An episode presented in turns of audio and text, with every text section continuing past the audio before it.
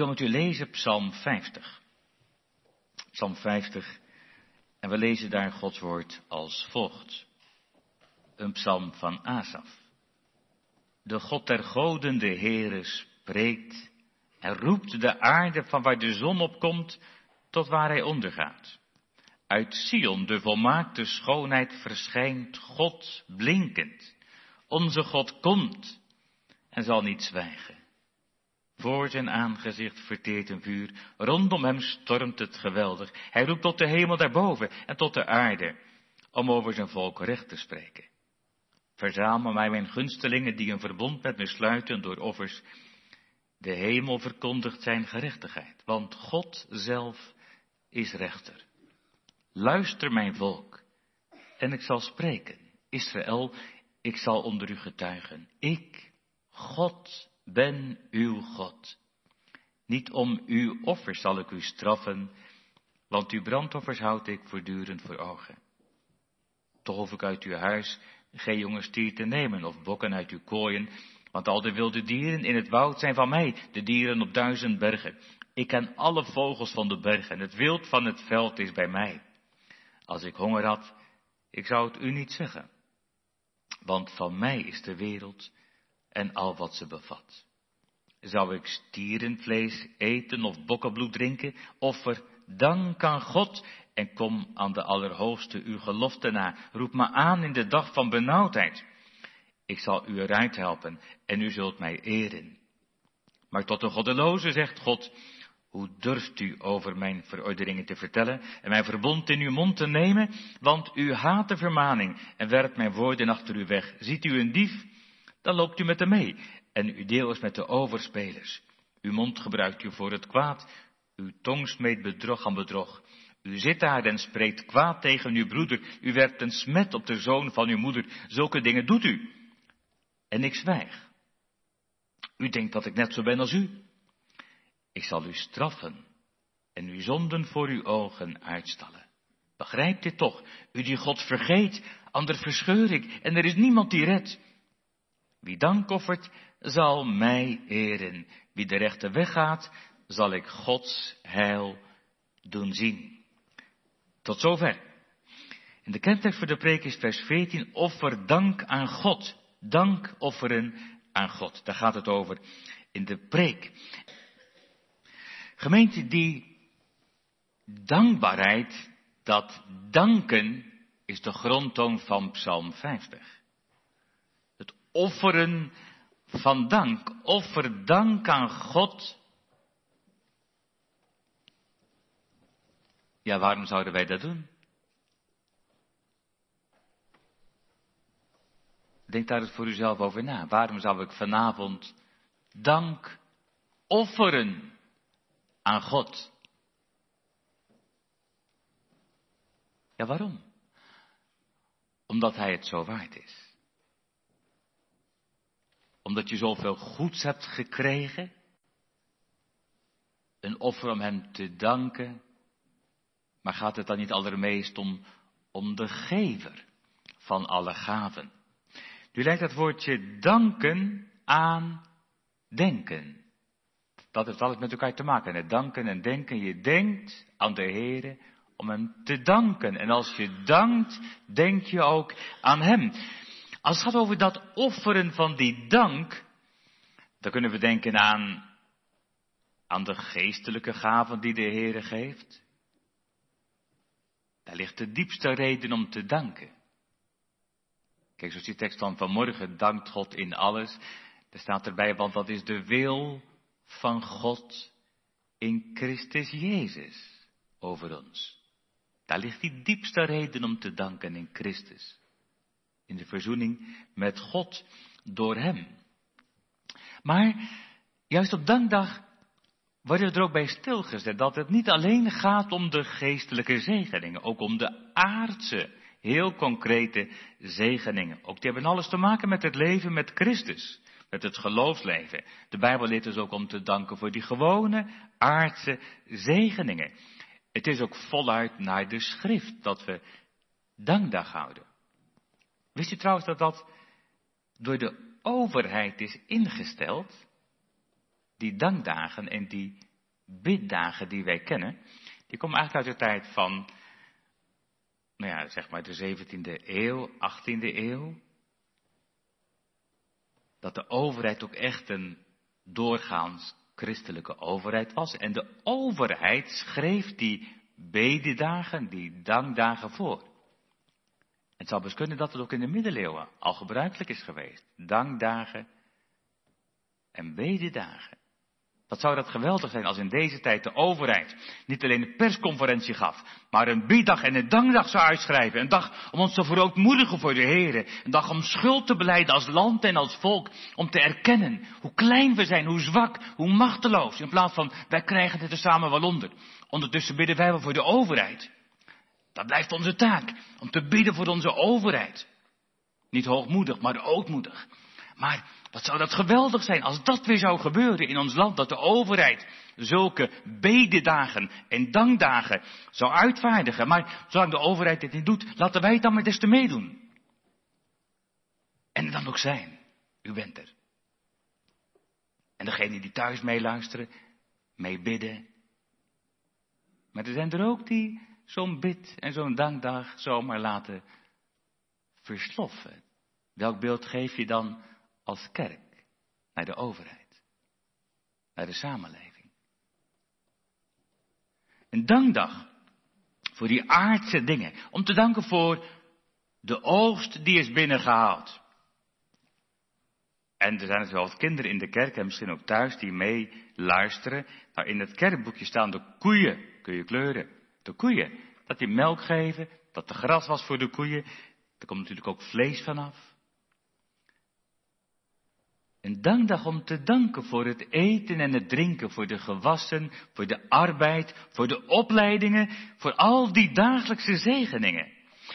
Nu leven wij in onze tijd doorgaans wel verder van de natuur dan vroeger.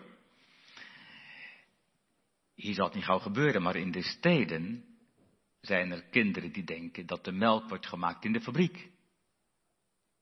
Ja, dat weet u wel beter natuurlijk, maar in de steden komt het ook voor dat mensen denken dat het brood alleen komt uit de fabriek of de supermarkt, maar dat er nauwelijks besef is van wat er groeit op het land. Wat dat betreft kunnen we ook in onze tijd van de boeren nog heel wat leren. Hebben we ook alle reden om de boeren met alles wat op ze afkomt een warm hart toe te dragen. Maar ondertussen ziet een christen mee dan die koeien in het land of het graan of alle zegeningen die er zijn. Een christen ziet daar achter de hand van onze schepper. Hij gaf die groei het afgelopen jaar. Ik weet van Augustinus, die zegt ergens, als wij denken aan het manna in de woestijn, dan zeggen we dat is een wonder. Want dat man viel uit de hemel. Dat is een wonder van God. Maar zegt hij, is dat nou eigenlijk zoveel anders? Dan dat er ieder jaar uit zo'n korreltje een hele aar groeit? Is dat nou echt zoveel anders? Als dat er ieder jaar een hele nieuwe oogst groeit, is dat eigenlijk niet even ongelooflijk, even onvoorstelbaar, even wonderlijk? Als dat mannen uit de hemel. Het enige verschil is dat we het zo lang zien en het ieder jaar weer zien en dat we denken dat het normaal is. Maar is het in werkelijkheid niet even groot een wonder? De Heer gaf het, de oogsten, maar hebben wij het ook voor de oorlogen? Die de beste oogsten verwoesten. Hij gaf de kracht om het werk te doen, dat is niet vanzelfsprekend, dat merk je in het bijzonder in de coronatijd. Je denkt aan die biddag, anderhalf jaar geleden, de laatste keer voordat het echt misging met de corona.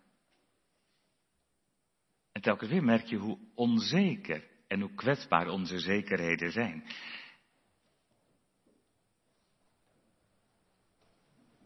Wat laat de Heer daarmee zien? Nou, in de eerste plaats hoe zwak we zijn, hoe afhankelijk van Hem. We denken vaak dat we heel wat kunnen en dat we heel wat zijn. Maar als het erop aankomt, dan zegt de Bijbel ergens dat we stof en as zijn voor God. Des te meer reden om ons te verootmoedigen. Helemaal als we zien wat we verdienen. Als God met ons doet naar onze zonde, wie zou er dan bestaan? Ons verootmoedigen en ons bekeren. Dat hoort er altijd bij. Denk aan afgelopen zondag. Dat komt ook in die psalm terug, aan het eind van de preek. En allermeest zijn zoon uit de hemel te verwachten. Ik denk dat dat het mooiste kenmerk van een christen is in de eindtijd. Dat een christen zijn zoon uit de hemel verwacht, die ons verlost van de toekomende toorn. Offer dank aan God. Nu was het in het Oude Testament als vanzelfsprekend met het offeren van dieren. En dat waren offers, die kenden de heidenen ook. De heidenen offerden ook koeien en schapen en van alles en nog wat. En die heidenen dachten, dat, dat hebben de goden nodig. Die dachten anders, dan lijden de goden honger. Als ze geen offers krijgen. Die dachten, die goden zijn afhankelijk van onze offers. En zo konden ook de Israëlieten wel eens denken, zo van, alsof de Heere God maar blij mag zijn dat hij eens een offer van ons krijgt. En wij kunnen dat ook wel eens denken, zo van, dat de Heere blij mag zijn dat we nog wat willen geven. Een flinke duit in de collector, weet ik wat. Zo van, dan mag de Heere God wel blij zijn met zulke gullegevers als we zijn. Alsof de Heere afhankelijk van ons zou zijn. En daarmee wordt de draak gestoken. In deze psalm. Met dat denken. Alsof de God der goden honger zou hebben. Alsof de Heere God onze offers nodig zou hebben. Alsof de Heere God afhankelijk van onze gunsten zou zijn. Het is juist precies andersom. De Heere heeft niets van ons nodig. Wij, wij hebben alles van Hem nodig. Wij zijn totaal afhankelijk van Hem en van zijn gaven. En, en daar zingt die, die vijftigste psalm ook van. In de versen 10 en verder. Toch hoef ik uit uw huis geen jonge stier te nemen. En dan staat ook, want al die wilde dieren in het woud, die zijn van mij. En de dieren op duizend bergen, als ik honger had. En het is eigenlijk ook iets op spottende toon gezegd. Als ik honger had, zegt de Heer, nou dan zou ik het u niet zeggen. Want van mij is de wereld en al wat ze bevat. En dat is een heel belangrijke beleidenis op de dankdag. De aarde is des Heren en zijn volheid. We hebben het wel eens over, over ons huis en over onze auto en over onze fiets en over ons pensioen en over ons spaargeld. Maar in werkelijkheid leert deze psalm dat alles wat we hebben van God is. Want Hij is onze schepper. Hij heeft ons geschapen en niet wij. En wat we krijgen en wat we hebben is ontvangen van Hem. Je zou kunnen zeggen dat we bijbels gezien geen eigenaren zijn, maar dat we rentmeesters zijn. Ik las pas ergens iemand die zei dat we priesters zijn. Dat is natuurlijk ook een bijbels iets. Een christen is ook een priester. Maar noem het ook maar rentmeesters. Rentmeesters. Dat wil zeggen, wij zijn niet de echte baas dat is de Heer. En wat we krijgen mogen we gebruiken. Je mag ervan genieten. Maar het absolute recht blijft in de handen van de Heer. Wij zijn niet, niet zo gewend om zo te kijken naar ons bezit. Ik denk dat daar ook iets van de zwakheid ligt van het westerse christendom. We zeggen dat makkelijk, hè? het materialisme. Maar ik denk dat er weinig dingen zo ondermijnend voor het geestelijk leven zijn als ons materialisme. Dat we denken dat het allemaal van ons is. En we hebben nogal wat. In vergelijking met onze voorgeslachten. In vergelijking met de overgrote meerderheid van deze wereld. We hebben nogal wat. Ook al zijn we misschien in vergelijking met anderen nog niet zo rijk. We hebben nogal wat. Maar in deze psalm komt God op voor zijn rechten. En hij presenteert zich als de eigenaar. En hij presenteert zich als de rechter. Daar begint het ook mee. Dat de Heer recht heeft. En dat hij recht zal spreken. En onze God zal komen en niet zwijgen staat er. En dan staat dat hij komt in het vuur. Blinkend als een verterende gloed. En dat hij recht zal spreken. Wat heb je gedaan met mijn bezit? Wat heb je gedaan met mijn tijd? Met alles wat van mij is? Je hebt het gebruikt, je mocht het genieten. Wat heb je ermee gedaan? Onze God zal komen, staat er. Dan gaat het over zijn oordeel. Opdat we ons verootmoedigen. Opdat we ook beleiden dat het allemaal van Hem is. Dat is hier een grondtoon in de psalm. Dat betekent eigenlijk ook dat alles wat wij geven, om zo te zeggen, iets is een sigaar uit eigen doos. Omdat het allemaal van God is. Je hebt het wel eens met kinderen, dan kopen ze een mooi cadeau voor mama of voor papa. Dat is natuurlijk mooi. En dan, dan merk je daar iets van de liefde van een kind voor mama. Maar ja, hoe komt dat kind dan dat geld? Ja, dat heeft hij van papa gekregen om iets voor mama te kopen. Het is gegeven en dan kan een kind iets kopen. En, en dat is met de Heer eigenlijk ook. Alles wat we geven, dat, dat komt toch bij de Heer vandaan. Hij is ten diepste de eigenaar. Dat is over, iets om over na te denken. Alles wat ik heb, het is van Hem. Dat heeft ook gevolgen voor onze levenswandel. Dat heeft ook te maken met verootmoediging, met gehoorzaamheid. Onze levenswandel, hoe wij omgaan met de schepping. De zorg voor het milieu, voor het klimaat, dat is natuurlijk volop in de belangstelling.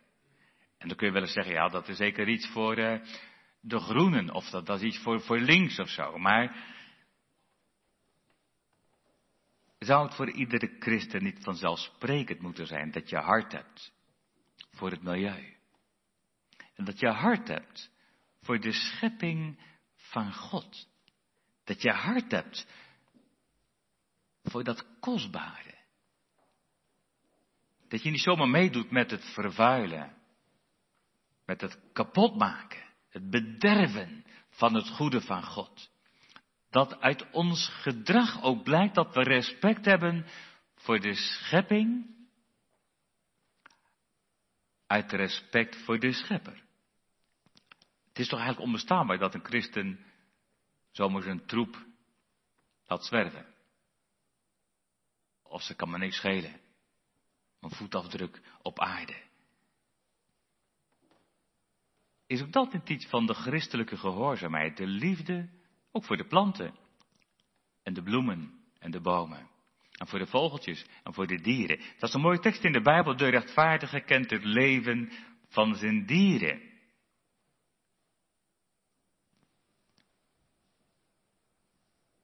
Ware dankbaarheid heeft ook te maken met hoe gaan we om met wat we krijgen van de Heer, wat we mogen gebruiken. Dat betekent ook niet alleen maar dat ik het mag gebruiken, maar ook de komende generaties zolang deze aarde bestaat.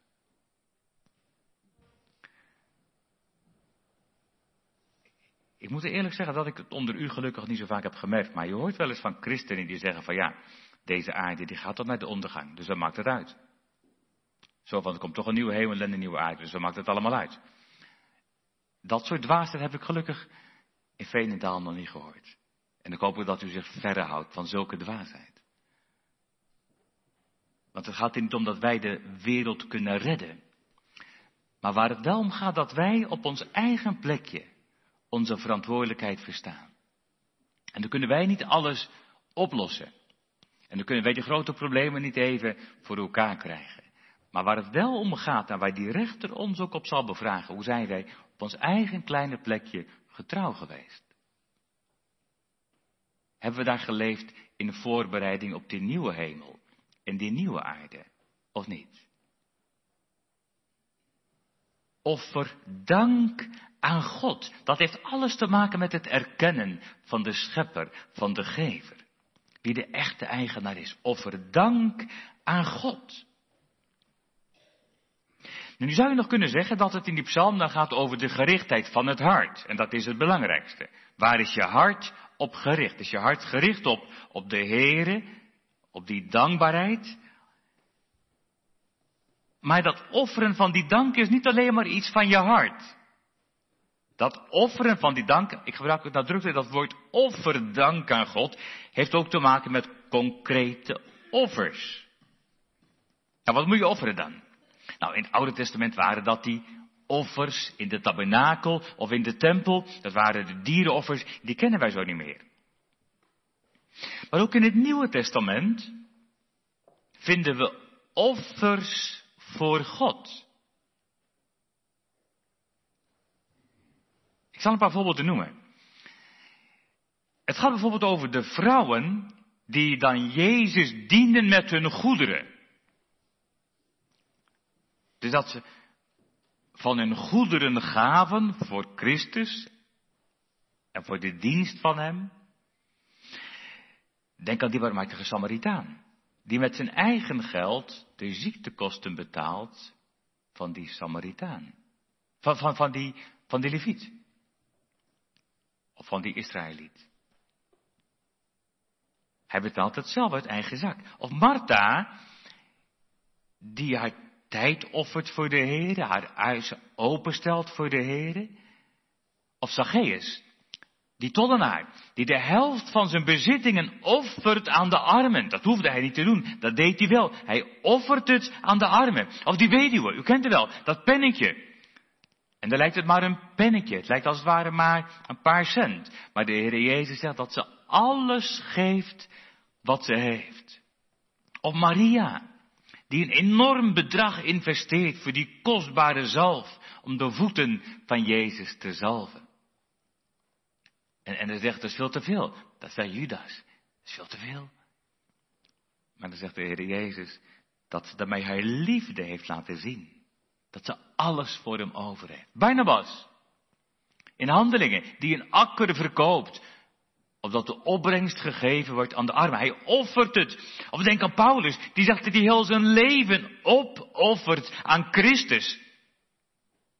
Ook zijn lichaam in het zendingswerk maar ook in, in het lijden dat hij ondergaat, die zich opoffert.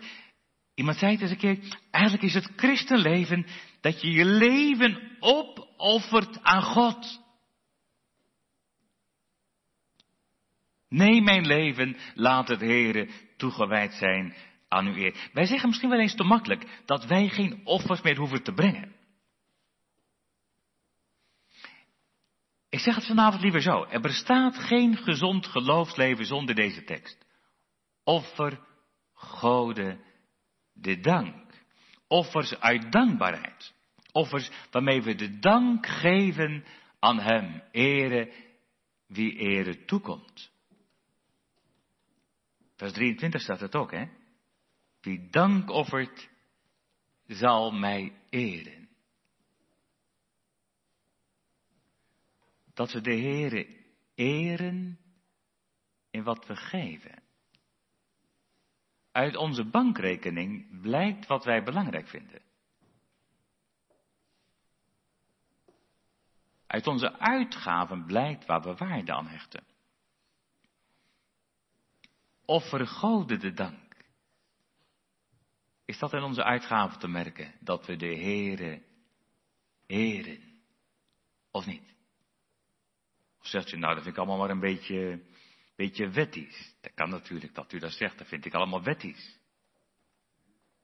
Maar wie het wettisch noemt, heeft het nog niet begrepen.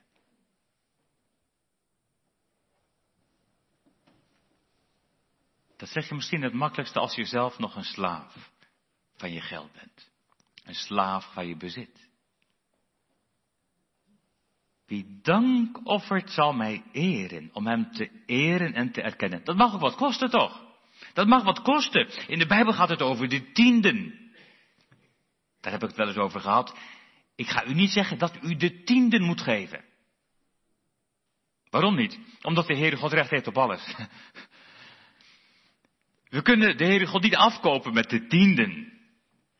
Maar ik weet wel dat voor mezelf het wel een keer een schok is geweest. Dat ik dacht, nou ja, als ik nou eens uitreken wat ik dan werkelijk geef voor de kerk en voor de zending en voor de armen en, en, noem alles maar op, alle goede doelen. Komt het dan een beetje in, in de buurt van die tienden? Ik moet, ik moet u eerlijk zeggen dat ik me toen wegschaamde, hoe weinig het eigenlijk was. Moet u maar eens nagaan bij uzelf. Eren wij met onze uitgaven de Heere. Nogmaals, ik zeg niet dat u de tienden moet geven. Het is gewoon een richtlijn van het Oude Testament. Ja, ik heb wel eens mensen horen zeggen, ja, toen had je geen belastingen. Nou, wie dat denkt, die moet dus wat beter in het Oude Testament lezen. Want er waren heel veel belastingen in het Oude Testament. Denk maar aan koning Salomo. Het waren er zoveel dat er bij Rehabiam een complete opstand Die tienden waren echt bedoeld voor de tempel. Die waren echt bedoeld voor de dienst van de Heer. Die waren niet voor de koning. Dat waren geen gewone belastingen. Dat was echt voor God. Maar als duizend euro voor de vakantie geen probleem is, dan is het voor de kerk toch ook geen probleem. Of wel? Wie het niet kan betalen, dat hoeft natuurlijk niet. Maar, maar weten wij nog wat offeren voor God is? Laten wij met onze offers merken dat de Heer recht heeft op alles. Offer Gode de dank. En dan ben ik altijd blij dat ik als dominee niet weet wat u geeft. Daar heeft niks mee te maken. Dat is een zaak tussen u en God. Maar offer Gode de dank. Nu gaat het over dankoffers, hè, om te danken. Waarmee we erkennen dat de Heer recht heeft op alles. Maar, maar nu gaat het hier wel dieper dan alleen maar een offer brengen. Dat merk je ook in het Oude Testament. Er werden ongelooflijk veel offers gebracht in de loop van de jaren. Er is onvoorstelbaar veel bloed vergoten. Al die offers, al die dieren. En toch gaat het in al die offers die gebracht werden niet om wat wij aan God geven. In die offerdienst in de tempel ging het om iets anders, dat weet u. Niet om wat wij aan God geven. In al die dierenoffers ging het ten diepste om dat offer, dat offer van God. Ik denk aan de Hebreeënbrief, waar het heel radicaal staat in 10 vers 4. Het is onmogelijk dat het bloed van stieren en bokken de zonde wegneemt. Al die offers, die kunnen de zonden niet afwassen. In die offers die gebracht werden, ging het ten diepste om het offer van Christus. Dat is niet het offer dat wij brengen, maar het offer dat God brengt. En dat zet al onze offers in een heel ander licht. Het gaat niet om wat ik geef. Maar het gaat ten diepste om wat Hij geeft. Het gaat om wie Hij is. Dat is ook Hebreeën 10. Slachtoffer en spijsoffer en brandoffers en offers voor de zonde staat er, hebt u niet gewild. En ze hebben u niet behaagd, hoewel ze overeenkomstig de wet werden gebracht. En, en er staat er, toen sprak hij, zie, ik kom. En dat is de Heer Jezus. Ik kom om uw wil te doen. Jezus komt om zichzelf te geven, om zijn eigen leven op te offeren. En daar biedt de Zoon van God zich aan. En daar geeft de Vader het liefste wat hij heeft. Al zo lief heeft God de wereld dat hij zijn enige geboren zoon gegeven heeft. Dat is niet het bloed van dieren. Dat is niet het offer dat wij brengen. Maar het is het offer van zichzelf. Dat is het hart van het evangelie. Dat, dat is het allermooiste. Want de Heer is niet alleen maar de eigenaar van alles. En hij heeft niet alleen recht op alles van ons. Maar, maar hier gaat het veel hoger en veel dieper en breder. Het grootste offer brengt hij zelf. Dat is het enige offer dat de schuld verzoent. Want we kunnen met al ons geld die schuld niet betalen. Dat is het enige offer dat de zonden vergeeft. Met één offer, zegt Hebreeën 10, heeft hij in eeuwigheid geheiligd. Degenen die geheiligd worden.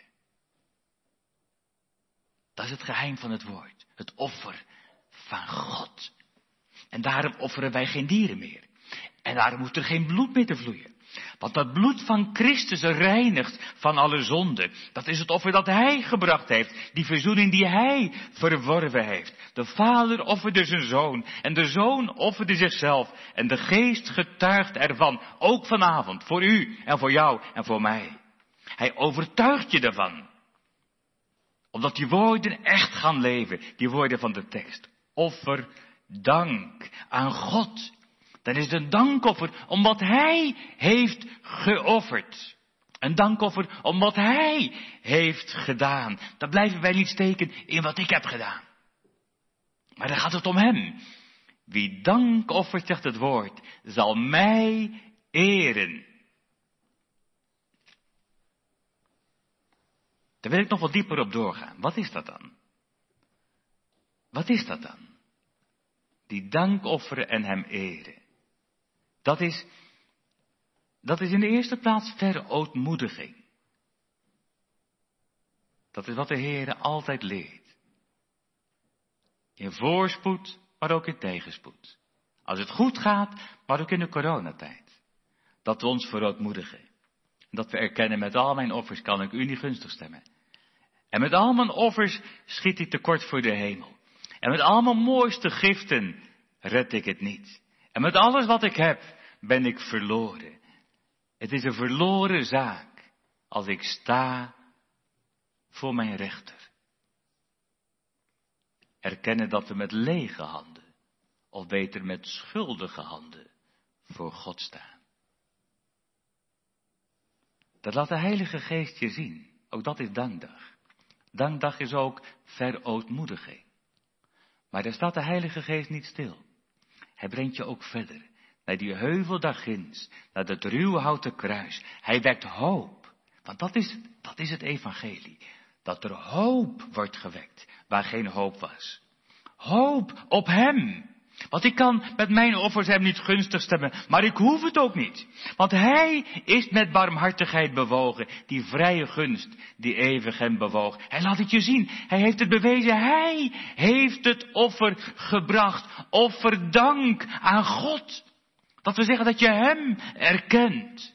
Dat je de betekenis van dat ene offer erkent. Want wat is dat anders dan dat we vluchten tot hem, jong en oud. Dat je vlucht naar Jezus en dat je voor Hem op de knieën gaat. Heere God, wees ook mij zondaar genadig. Ik kom tot U, zondig en onrein. Vergeef mijn zonde nu en reinig mijn hart. Dat begint een keer. En dat is ook telkens weer. Hem de dank offeren, dat is hem eren. Door Hem vergeving te vragen. En door het te verwachten van dat offer van Hem.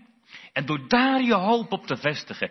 Uw offer alleen, Heere Jezus. Dat is mijn hoop. Dat is mijn leven. Dat is hem dank offeren. Dat is hem eren. Wie dank offert, zegt het woord, die zal mij eren. In vers 23 staat er, wie de rechte weg gaat, die zal ik Gods heil doorzien. Dat is de rechte weg. Dat is de smalle weg. Dat is naar het kruis. Dat is naar Jezus. De rechte weg. Maar hem die de weg en de waarheid en het leven is. Offerdank aan God. Je kunt die woorden ook vertalen als breng het danklied aan God. Ook dat neemt de Hebreeënbrief later over. In hoofdstuk 13, vers 15 staat er, laten we altijd door hem een lofoffer brengen aan God. Offer de dank aan hem met onze lippen, met de lofprijzing. Ook dat is Hem dank offeren, dat we Hem prijzen. Als we, als we ons verootmoedigen en de Heeren niet prijzen, ja, dan blijven we steken in onszelf. De echte verootmoediging, die het opbrengen bij de aanbidding en bij de lofprijzing die zal mij eren, zegt de Heer. Breng het danklied aan God. Ik zal nooit vergeten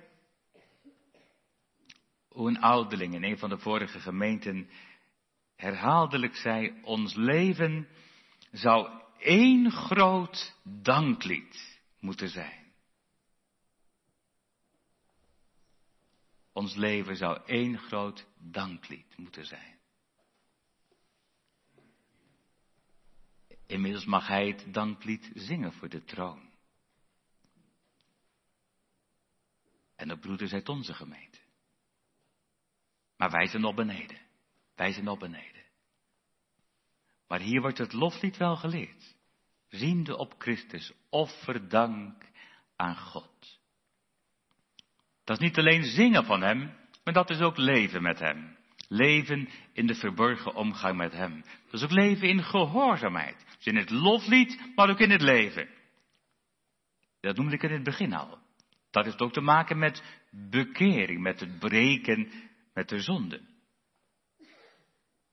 Het gaat ook over het nakomen van de geloften.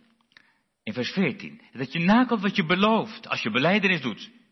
Wat je belooft als je geknield ligt in Gods huis als man en vrouw op je huwelijksdag. Of wat je belooft aan de Heer als je je kind laat dopen. Of wat je belooft toen je werd gevraagd voor het kerkenwerk. Of wat je werd beloofd toen je werd bevestigd in het ambt. Of, of wat je belooft toen je in de rat zat en, en smeekte om hulp. Wat je beloofd hebt toen je het moeilijk had.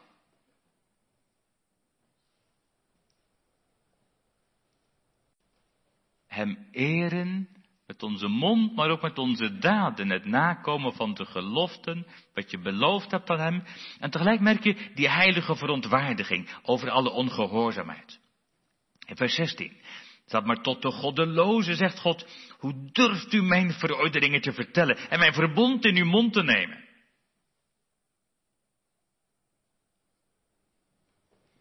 Die goddeloze.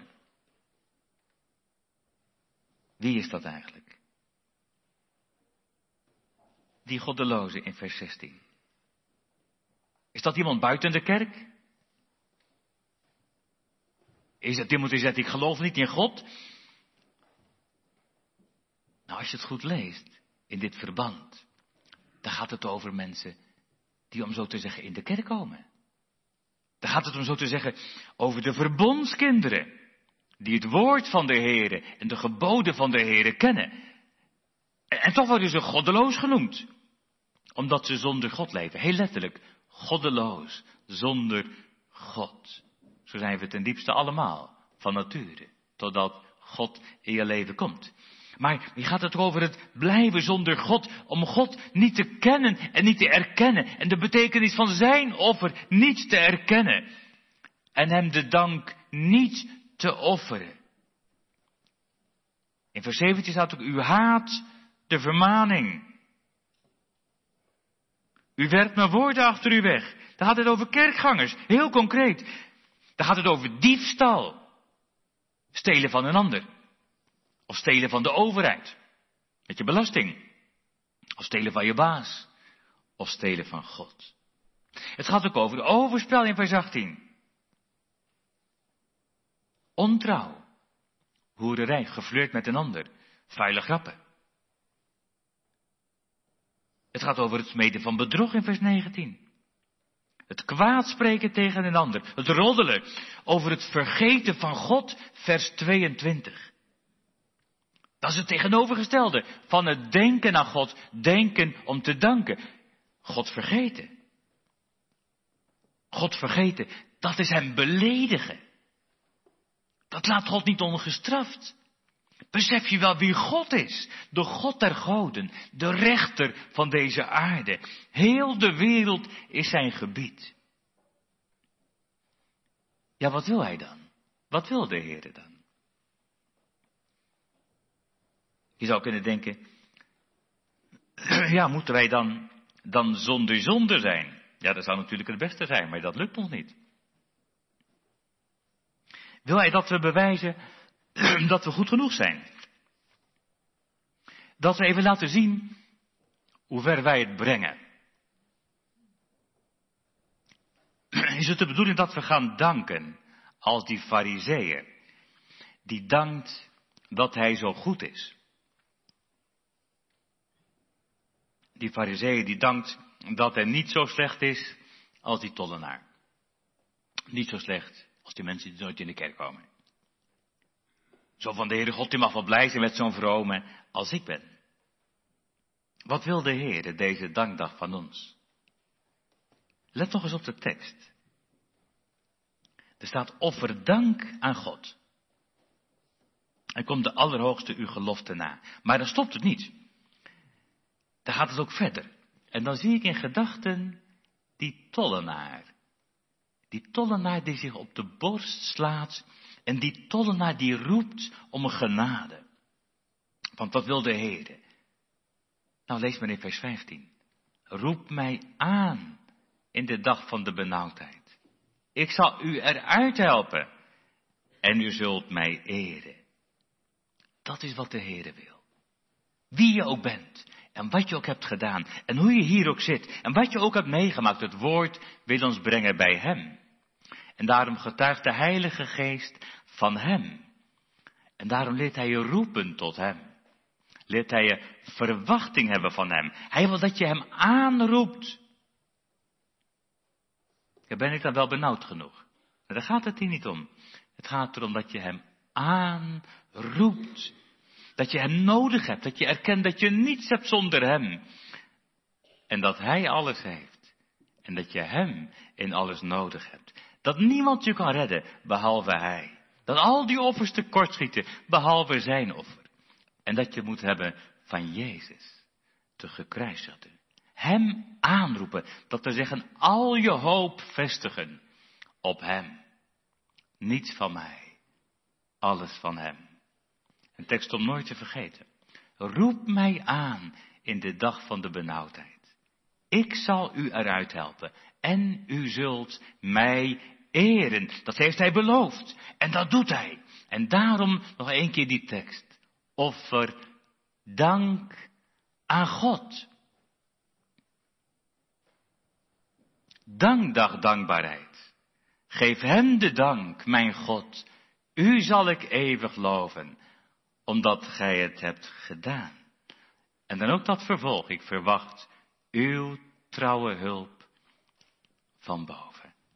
Amen.